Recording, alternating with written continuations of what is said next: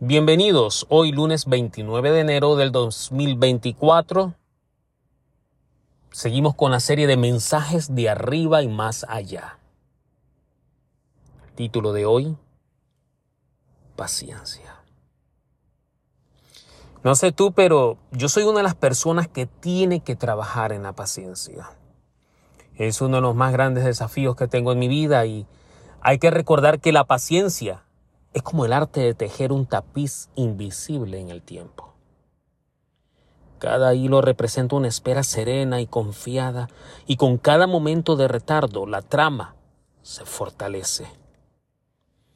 En la paciencia encontramos la sabiduría de dejar que las cosas se desarrollen a su propio ritmo, confiando en que Dios tiene su propio plan. Así que en la quietud de la paciencia descubrimos que nuestras mayores transformaciones se gestan y florecen, recordándonos que la espera también es una forma de crecimiento. Quiero culminar con algo que me ocurrió hace dos semanas, si mal no recuerdo, que llevé a mi hija de compras y mi hija sabe que me falta paciencia. Cuando nos embarcamos en el carro, ella me dice, papá, por favor, paciencia.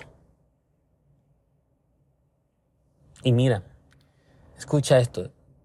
Yo leí esto, encontré este mensaje. Y yo creo que el mensaje que ella me dio es me quedaría toda la vida, me quedo toda la vida con el significado de lo que la paciencia es. Y ella me dice, papá, leí esto.